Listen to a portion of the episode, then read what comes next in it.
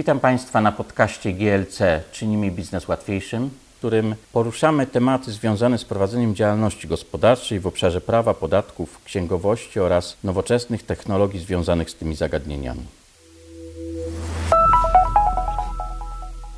Dzień dobry, nazywam się Maciej Szymik. Jestem dyrektorem generalnym GLC. W dniu dzisiejszym z adwokatem Rafałem Drzewieckim porozmawiam na temat dość trudny, czyli o sukcesji w firmie. Thank you. Rozmawiamy dzisiaj na temat dosyć nowy, bo kwestia sukcesji w działalności gospodarczej to, jest, to są długo oczekiwane przez przedsiębiorców przepisy. Czy one spełniły oczekiwania, to pewnie porozmawiamy trochę później. Natomiast czym jest sukcesja, no i czym jest sukcesja e, w firmie? Mamy wiele definicji sukcesji, natomiast ja zawsze uważam, że najważniejsza jest prostota. Tutaj wraz z mecenasem Arturem Olesiem, z którym pomagam przedsiębiorcom w temacie sukcesji, przyjmujemy najprostszą definicję. Czy jest to po prostu przetransferowanie zarówno dóbr materialnych, jak i niematerialnych z jednego pokolenia starszego na pokolenie młodsze w sposób możliwy najpełniejszy, jak najlepszy i jak najszybszy. Ale tak powiedziałeś już o sukcesji w działalności w zakresie tych przepisów. Natomiast czym tak naprawdę jest sukcesja w ogóle w prawie? Prawie, jakby elementem sukcesji jest dziedziczenie, ponieważ sukcesja jest pojęciem, że tak powiem, szerszym, obejmującym więcej pojęć, natomiast pod względem prawnym, czyli na tym, na czym my się najbardziej skupiamy jako prawnicy, jest to aspekt dziedziczenia, czyli przejście wszystkich praw, które posiadała osoba zmarła, na jej dzieci, wnuki. Tutaj zależnie od sytuacji, jaką mamy tutaj strukturę rodzinną, kodeks cywilny szczegółowo reguluje te zagadnienie. Również możemy je uregulować pominięciem tych przepisów. Dlaczego też tutaj się spotkaliśmy, żeby Państwu trochę uświadomić, jak możemy zrobić to w sposób inny i bardziej świadomy. Dobrze, to ja spróbuję trochę tak bliżej wyjaśnić naszym słuchaczom. I generalnie chodzi o problem, który powstaje w chwili, kiedy mamy do czynienia na przykład z jednoosobową działalnością gospodarczą. Być może gdzieś jeszcze w spółkach cywilnych może ten problem istnieć, skupmy się na jednoosobowej działalności gospodarczej. Jakiś czas temu jeszcze, kiedy w ogóle nie było przepisów dotyczących sukcesji, no z chwilą śmierci przedsiębiorcy, takiego jednoosobowego, co się działo? Kończyło się przedsiębiorstwo. Firma się kończyła, tak trzeba powiedzieć to sobie wprost. Jeśli ktoś był podatnikiem VAT, no to przestał być tym podatnikiem VAT, nie mógł dokonywać sprzedaży. No, w zasadzie trzeba było po prostu wyłączyć kasę fiskalną i zamknąć drzwi. Pojawia się problem też różnych koncesji, pozwoleń, Tak, które były tylko No przekazane już, y, na rzecz już tej określonej osoby. Natomiast tak najprościej rzecz biorąc, z chwilą e, śmierci przedsiębiorcy należało zaprzestać wykonywania działalności gospodarczej i w zasadzie no, nie było żadnych przepisów, które umożliwiałoby jakby płynne przejęcie e, e, tej działalności przez spadkobierców. Natomiast w tej chwili te przepisy się pojawiły. Natomiast powiedz, wytłumacz, dlaczego tą sukcesję warto zaplanować. I może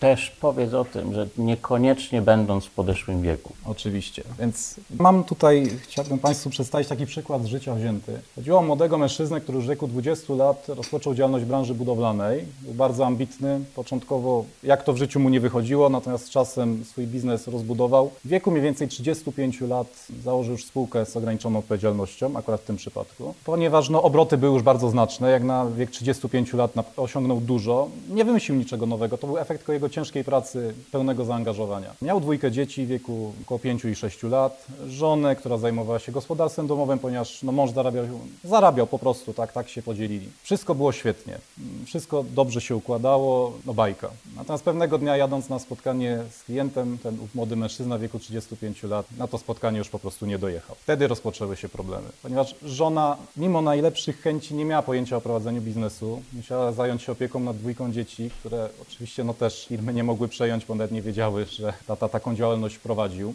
Pojawił się problem, kto zostanie udziałowcem w spółce, jak to dalej poprowadzić, ponieważ ten młody mężczyzna jakby ufał, że wszystko robi sam najlepiej i nie wdrażał nikogo, miał mm, tam Tworzył sobie jednoosobowy zarząd. tak najbardziej, no powiedzmy sobie szczerze tak, bo uważał, że tylko sam sobie może zaufać. Nie minęło około roku, firma de facto przestała istnieć, jeszcze w międzyczasie e, rodzice ów młodego mężczyzny zaczęli odzywać się, to wdowy, że to oni jednak dali mu jakieś pieniądze na działalność, domagają się tutaj zwrotu, że spółkę to tak najlepiej trzeba sprzedać jak najszybciej, rozliczyć się wzajemnie. Kończyło się to nieciekawie, ponieważ oczywiście spółka została już po długich sprawach sądowych, angażowaniu sądu rodzinnego, bo chodziło też tutaj o małoletnich. Sprawa się oczywiście zakończyła ostatecznie sprzedażą tego przedsiębiorstwa w największym skrócie. Zaś było to bardzo niekorzystne dla każdego, ponieważ środki finansowe były niewspółmierne do tego, co można by osiągnąć, gdyby ta sukcesja została zaplanowana wcześniej. I myślę, ten też przykład może nam pokazać, że trzeba o tym myśleć jak najwcześniej, ponieważ nigdy nie wiemy, co i kiedy Myślę, że kwestia, y, nie może też zapominać o pracownikach. Tutaj to jest jeden z takich bardzo ważnych elementów. W firmie jest to jakaś wartość. No dobrze, ale na co byś w tym przypadku w takim razie zrobił wcześniej, gdybyś miał wpływ na takiego przedsiębiorcę dzisiaj, znając dzisiejsze przepisy, co byś mu zaproponował? Na dzisiejsze przepisy i to, co się może w życiu zdarzyć, po pierwsze zachęciłbym go do takiego przemyślenia, chociażby przez chwilę, w wolnym czasie. Bo wiadomo, jest to osoba zajęta, jak większość osób prowadzących biznes, aby przemyślał, co tak naprawdę się stanie, gdy jego zabraknie. Ponieważ jest to zdarzenie przyszłe i niepewne, którego nie, nie możemy w żaden sposób przewidzieć. I jak możemy się na tą sytuację przygotować? Czyli doradziłbym na pewno dokonanie pewnej analizy i to pod kątem prawnym i faktycznym obecnego stanu posiadania, jaka jest struktura udziałów, właśnie jakim posiadamy pracowników, jakie oni dobra wnoszą do tej spółki. To ewentualnie może być tutaj tak zwanym menedżerem zarządzającym w razie jakichś nagłych zdarzeń, który po prostu pociągnie dalej ten biznes. Jak wreszcie, jak widzę rolę swojej rodziny w tym wszystkim? Czy chwilą, kiedy już zabraknie tej osoby, która przedsiębiorstwo założyła, czy nadal to kontynuujemy? Czy jest ktoś w rodzinie, kto może taki biznes przejąć? Jak możemy to zrobić? Czy jest to forma takiego, może pojęcia księgowego audytu takiego przedsiębiorstwa, żeby wskazać jego silne i słabe strony na wypadek już utraty tej osoby, która firmę założyła i która no, ją rozbudowała? Ale może w kilku słowach powiedz, co takiej osoby byś zaproponował dzisiaj, gdyby to wszystko już przemyślała? Na pewno zmiany w umowie spółki, jeżeli nie przewidziała w ogóle sytuacji swojej śmierci. Powiedzmy to wprost, niestety czasem musimy o tym powiedzieć. Są trudne tematy, ale, są no, trudne, my, ale jesteśmy, my jesteśmy w takiej sytuacji, że no niestety trzeba czasami, albo to się zawsze klientom o tym powiedzieć, bo jak wiemy, e, przypadki chodzą po ludziach i my możemy oczywiście nie dopuszczać do, do myśli, ale, ale jednak to trzeba gdzieś przewidzieć, szczególnie kiedy firma nabiera wielkości i zaczyna odgrywać rolę nie tylko w moim życiu, ale w życiu pracowników. Jest po prostu miejscem pracy, źródłem utrzymania dla wielu osób, wtedy ta odpowiedzialność przedsiębiorcy jest e, e, większa. Dlatego zacząłbym na pewno od umowy spółki, ponieważ no, coraz popularniejsze jest zakładanie w formie elektronicznej spółek, no, które mają określony swój wzorzec i nie bardzo można w niego ingerować i tam kompletnie nie da się przewidzieć jakby sytuacji dziedziczenia, losu udziałów i tak dalej, ewentualnie wyłączenia części spadkobierców od dziedziczenia udziałów, określenie warunków ich skład, więc na pewno dla mnie byłby to pierwszy krok, czyli przeanalizowanie umowy, wprowadzenie tam stosownych zmian i zapisów, które pozwolą przetrwać ten najcięższy okres. Na pewno kolejnym krokiem będzie też zastanowienie się, jak pod kątem finansowym taką kwestię rozwiązać, czyli jak zabezpieczyć tych spadkobierców, na przykład właśnie pod kątem spłat, bo czym innym jest, jak wiemy, wartość widnieje w RS-ie czy w umowie, a czym innym jest rzeczywista wartość spółki, o czym też często można po prostu zapomnieć, że ten kapitał 5 tysięcy powiedzmy zakładowy czy 10 to jest kompletnie już coś innego, kiedy firma ma swoją dużą markę. Z tym też y, musimy się liczyć. I oczywiście punkt trzeci, którym tutaj wspomnieliśmy, ta tak zwana odpowiedzialność społeczna, czyli żeby zastanowić się na tym, co stanie się też z pracownikami jak tutaj pod tym kątem ich zabezpieczyć, żeby też te osoby też przecież mają swoje rodziny, swoje zobowiązania i tak gwałtowna sytuacja jak brak ich szefa w pewnym momencie no może też doprowadzić do kryzysu i w ich rodzinach, co jest też bardzo ważne. Także dlatego właśnie ta sukcesja jest pojęciem bardzo szerokim, bo nie mówimy tylko o pieniądzach, chociaż najbardziej nam się to kojarzy z tym. Teraz jest to też szereg innych czynników. I jeszcze taka czwarta rzecz, jeżeli oczywiście to dotyczy głównie starszych przedsiębiorców, których dzieci już przynajmniej są pełnoletnie. Zawczasu jednak doradziłbym im już po tym przemyśleniu, żeby ustalili ostatecznie, czy te dzieci rzeczywiście przejmą po nich ten biznes, czy ewentualnie będzie to drugi małżonek, czy jest może ktoś inny z dalszej rodziny, kto jest tym zainteresowany. Ponieważ tutaj, e, myślę też powiem o tym szerzej później, natomiast tu się pojawia problem, że często przedsiębiorcy myślą, że na pewno ich e, dzieci, bo to jest taki najprostszy przykład, przejmą ten biznes. A kiedy już dochodzi do takich rozmów w ramach tego audytu, o którym mówiliśmy, żeby poznać ich potrzeby, okazuje się, że może nie do końca. Często już jak dzieci zaczynają dorastać, to już wiedzą, że może tak nie będzie. To jeszcze bardzo krótko, jakie są konsekwencje niemyślenia w ogóle, o tym, nieplanowania tej sukcesji, może też powiedz też troszeczkę o osobach fizycznych. I krótko, bo już mieliśmy jeden przykład, więc może tak króciutko, konsekwencje. Oczywiście. Może skupmy się na tych osobach fizycznych, bo tutaj mieliśmy przykład spółki, a tutaj powiemy o osobach fizycznych. Otóż, jeżeli ktoś nie chciałby skorzystać z dobrodziejstw, które przewiduje ustawa o zarządzie sukcesyjnym przedsiębiorstwem osoby fizycznej, o której zaraz właśnie powiem, że warto to zrobić, natomiast zakładamy, że ktoś tego nie zrobił i prowadził jednoosobową działalność gospodarczą, co nadal jest bardzo popularne. Nawet przy dużych obrotach można jeszcze spotkać osoby, które są po prostu związane tym, co założyły na przełomie transformacji ustrojowej, a one już są z reguły, nie mówię, że w podeszłym wieku, ale już mogłyby myśleć o swojej emeryturze, jeżeli chciałyby już trochę No mamy odpocząć. takie, takie czasy, no to, to wiele osób zaczynało w latach, e, początek lat 90. i to były już osoby, które miały tam ileś lat. No jak najbardziej w tej chwili dużo takich przedsiębiorców jest na rynku. Dokładnie. I teraz zakładając, że taka osoba nie zrobiła kompletnie nic. Chwilą jej śmierci de facto, czy już powiedzieli na wstępie, ta działalność niejako wygasa. A dlaczego? Ponieważ nie mamy możliwości przeniesienia numeru VAT do rozliczeń, numeru NIP, e, koncesji, pozwoleń, ponieważ one są ściśle związane z tą osobą, która tą działalność gospodarczą prowadziła. Nie można tego oddzielić, przynajmniej nie można było do czasu wprowadzenia zmian przez ustawodawcę. Natomiast w sytuacji, którą my tutaj przyjęliśmy, czyli ten najgorszy wariant, nieprzygotowanie się do tego, spadkobiercy takiej osoby po przeprowadzeniu odpowiednich postępowań spadkowych, no zostają z pewnym problemem, bo tak trzeba to sobie powiedzieć. Ponieważ ta osoba, która prowadziła jednoosobową działalność, no miała swoich kontrahentów, którzy byli przyzwyczajeni do jej firmy, do jej marki. Często też się patrzy, od kogo dostaje się faktury, tak? Nagle taki teraz spadkobierca bez uregulowania tych spraw przez swojego, przez tego spadkodawcę, który zmarł, no musi założyć swoją jednoosobową od razu działalność. Powiedzmy też szczerze, taka osoba nie dziedziczy firmy, właśnie składniki firmy, prawda? Dokładnie. To jest trudno powiedzieć o, dziedzic- o dziedziczeniu firmy. Wiele elementów będzie trzeba zbudować od nowa. Dokładnie, w tym między innymi relacje z kontrahentami w tym znaczeniu, że nagle zobaczą inny podmiot. Oczywiście nazwisko będzie się zgadzać, no może być gorzej w przypadku kobiet, które zmieniły nazwisko, nie mają nazwiska podwójnego. Te problemy się wydają błahe, natomiast no, część przedsiębiorców bardzo jest związana z tym, z kim współpracuje. Jeżeli po 30-40 latach przyjdzie jakaś pani, tak, której nikt nie zna i powie, że ona chce kontynuować tutaj te umowy, które są zawarte, no może być ciężko. No jest też kwestia umów, tak, e, co się dzieje z następstwem prawnym. Części umów po prostu nie da się wprost... Ale to z tego, co mówisz, to właśnie najgorsza sytuacja jest w przypadku osób fizycznych prowadzących działalność gospodarczą. Najgorsza zdecydowanie. Przy czym, no tak jak niektóre biznesy no, nadają się oczywiście do prowadzenia jednoosobowo i do tutaj jakby nie ma potrzeby, żeby iść w coś dalej, bo po prostu no, jest jak jest i tak jest dobrze. Natomiast chciałbym właśnie tutaj powiedzieć, czemu warto to zaplanować. Otóż od kilku lat obowiązuje ustawa o zarządzie sukcesyjnym przedsiębiorstwem osoby fizycznej. Teraz tak, taki trochę ja to porównuję, że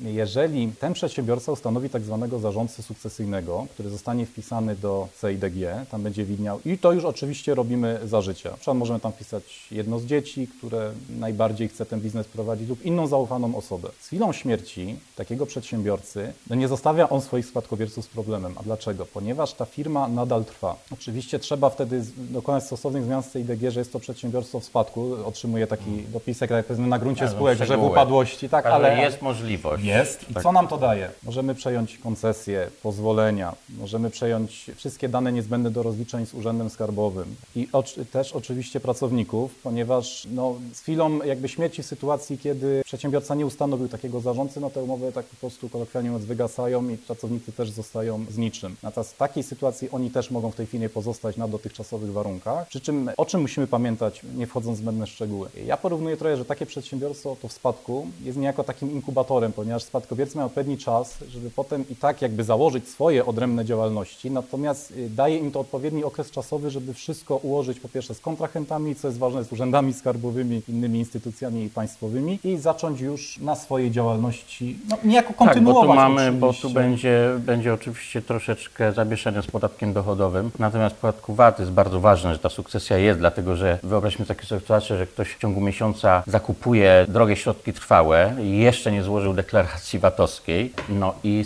po śmierci już podatnika VAT nie ma, a mamy zakupy i to z dużym VAT-em. Tutaj takiej sytuacji można uniknąć. Dobrze, to przejdźmy może już do takich trochę omówienia takich praktycznych rzeczy. Od czego zacząć tworzenie takiego planu sukcesji? Oprócz tego, że najlepiej przyjść do nas oczywiście, ale może każdy wcześniej powinien się nad tym zastanowić i już sobie gdzieś w głowie układać, co powinien zrobić tak naprawdę. Ja się uważam, że pierwszy krok to jest, że trzeba dojrzeć po prostu do tego i przemyśleć to w swojej głowie, bo no nic na siłę. My jakby możemy, Szanowni Państwo, przedstawić Wam różne rozwiązania, różne podejście do tego problemu, ale to nie zmienia tego, że to wszystko zależy od Was, od osób, które muszą podjąć swoją autonomiczną decyzję, co dalej chcą robić. Myślę, że jakby my oczywiście możemy zachęcać przez to, co też tutaj mówimy, żeby taką iskierkę w głowie takiej osoby obudzić. Natomiast pierwszy krok to jest właśnie uświadomienie sobie, że chcemy to robić. Drugi krok, no mogę tu niejako zachęcić, żeby poradzić się osób, które na tym się znają po prostu, jak, jak takie procedury przeprowadzić. Kolejny krok to jest właśnie ten audyt, o którym mówiliśmy, czyli dokładne przeanalizowanie, co my możemy zrobić, jaka jest forma prowadzonej działalności, co nam przysługuje, bo wiadomo, inaczej jest w przypadku osób fizycznych prowadzących jednoosobową działalność, inaczej w przypadku Inaczej ten proces będzie wyglądać, tak oczywiście. Tak, natomiast no, jest to konieczne, żeby to przeanalizować. I trzeci też bardzo, moim zdaniem, ważny krok, to jest właśnie porozmawianie z osobami najbliższymi, w swoim własnym gronie rodzinnym, potem oczywiście też z nami, bo my już zajmiemy się tym pod kątem prawnym. Natomiast żeby te osoby wprost powiedziały, tak, chcemy to przejąć, nie, nie chcemy, nie bierz nas pod uwagę i tak dalej. Bo oczywiście ten przedsiębiorca ma w swoim ręku największe atuty, czyli tą firmę, pieniądze, know-how, wszystko, co można sobie wyobrazić. Natomiast no, nic na siłę nie przekaże innym. Warto z tymi osobami porozmawiać i kiedy już ustali się jakiś wstępny plan działania, warto skorzystać z pomocy prawników, doradców podatkowych, którzy jakby poprowadzą już ten proces pod kątem prawnym. No dobrze, ale mówiliśmy, że dosyć dużo przedsiębiorców, którzy kiedyś zakładali działalność gospodarczą, już dzisiaj są seniorami. Na jakie problemy przy tworzeniu planu sukcesji można napotkać u seniora? Pierwsze to jest odkładanie w czasie. Tak, no nie jest to temat przyjemny, tak? Natomiast każdy mówi, ja mam jeszcze czas. To jest takie najpopularniejsze, kiedy się pojawia w rozmowach z klientami, to jest ja mam jeszcze czas, to, to mnie nie dotyczy, jest wszystko dobrze. Drugi to jest właśnie takie podejście, na pewno przejmą to moje dzieci lub małżonek i oni na pewno chcą to robić, więc wszystko jest ok, więc zostawmy to tak jak jest. Natomiast jeżeli już przedsiębiorca podejmie tą ocenię słuszną decyzję, czyli zechce to uregulować, pojawiają się kolejne problemy. Część przedsiębiorców uważa, że tylko oni są w stanie najlepiej to robić, nawet jeśli swojemu dziecku dadzą jakąś funkcję, czy to członka zarządu w spółce, czy jakiegoś menadżera w jednoosobowej działalności gospodarczej, to i tak ten senior cały czas tam z drugiego planu doradza. Czyli trzeba trochę w głowie zacząć sobie przestawiać również. Tak, że nie jest już może no, najważniejszym, tak? Trzeba to powiedzieć. Oczywiście, bo ta wiedza, którą myśmy zgromadzili jest bardzo ważna. Natomiast często jest potrzebna też ta świeża krew, która ma inny pogląd na dane sprawy. A widzę wśród niektórych klientów właśnie to podejście, że jednak ja ich dopuszczę do tej firmy, ale nadal to ja pociągam za te sznurki, ja im powiem, co oni mają robić, a potem pojawia się problem, że te osoby nie chcą się... W naszym zawodzie najtrudniej wtedy jest powiedzieć klientowi, że może go zabraknąć, prawda? I to są te momenty, kiedy, o których niestety trzeba pomyśleć, bo to nie jest wyobraźnia nasza, tylko to są przykłady z życia i to się tak naprawdę dzieje. Dobrze, ale plan planem, a jakie problemy, jak to z tymi sukcesorami? Czy to jest tak, że ja mogę wyznaczyć kogoś innego, a w efekcie ktoś inny odziedziczy? Bo to może być taka sytuacja, że ja faktycznie mogę na dzień dzisiejszy nie mieć nikogo w rodzinie. Moje dzieci mogą chodzić do szkoły, studiować ja nie mogę tych osób jakby narażać na to, że on się zaangażować w tą działalność gospodarczą, ale czy da się to jakoś pośrednio jednak załatwić, że faktycznie coś się wydarzy i będzie, będę mógł wskazać jakąś osobę, która będzie mogła w jakiś sposób tym przedsiębiorstwem zarządzać do momentu, kiedy na przykład te dzieci faktycznie decydują się tą działalność dalej prowadzić. Tak, czy jednym rozwiązaniem, jeżeli mówimy o jednoosobowej działalności, no to jest ten zarządca sukcesyjny, który tam daje nam kilka lat przynajmniej, ponieważ sąd tam może w pewnych przypadkach przedłużyć ten okres, no to jest na pewno w wielu przypadkach może to być znaczące, ponieważ kiedy spadkobiercy mają tam 13, 14, 15 lat, no to jeszcze jesteśmy w stanie przetrwać ten, że tak powiem, najgorszy okres, kiedy oni nie mogą nic e, podjąć własnych decyzji, na wszystko wymagana jest zgoda sądu rodzinnego, co bardzo nam utrudnia, ponieważ teraz e, czeka się około pół roku do roku nawet na, na to, żeby sąd rodzinny wydał e, zgodę na podjęcie jakichś określonych czynności. To jest też problem. Jeżeli mówimy o spółkach, to jest to albo wskazanie właśnie, kto konkretnie w umowie spółki może przejąć te udziały, wtedy uregulowanie kwestii spłat, no i zapewnienie tutaj środków finansowych. Też jest rola dla nas, dla innych też branż, powiedzmy, część przedsiębiorców biorą jakieś ubezpieczenia, które pozwalają im potem uzyskać po ich odejściu środki finansowe, które można przekazać spadkobiercom, żeby spłacili tą osobę, która, znaczy, żeby osoba, która przejmuje udziały, spłaciła spadkobierców, którym by się to należało. Mamy również rozwiązania przewidziane w kodeksie cywilnym, na zapisy windykacyjne też. To jest o dziwo mało popularna forma, chociaż bardzo dobra uważam, która pozwala nam na przepisanie konkretnych składników majątku określonym osobom. Tutaj pojawia się dla nas jako przedsiębiorców szansa, czyli część majątku, tą stricte z firmą możemy przepisać tej osobie, która będzie się nią zajmować i nią dalej prowadzić. Natomiast przedmioty również wartościowe, jak na przykład nasze nieruchomości prywatne, wszelkie wartościowe ruchomości, obrazy, samochody, przekazać tym spadkobiercom z tego bliższego kręgu, że firmy prowadzić nie będą, natomiast otrzymają swój udział w tej masy spadkowej, a często uda się uniknąć, no to jest też bolesny problem, tak zwany zachowek, który się pojawia, kiedy ktoś otrzymał więcej niż musiał. To jeszcze na jest to- temat testamentu jeszcze Oczywiście. parę słów, natomiast takie mi się tutaj jeszcze pytanie niepokojące nasunęło.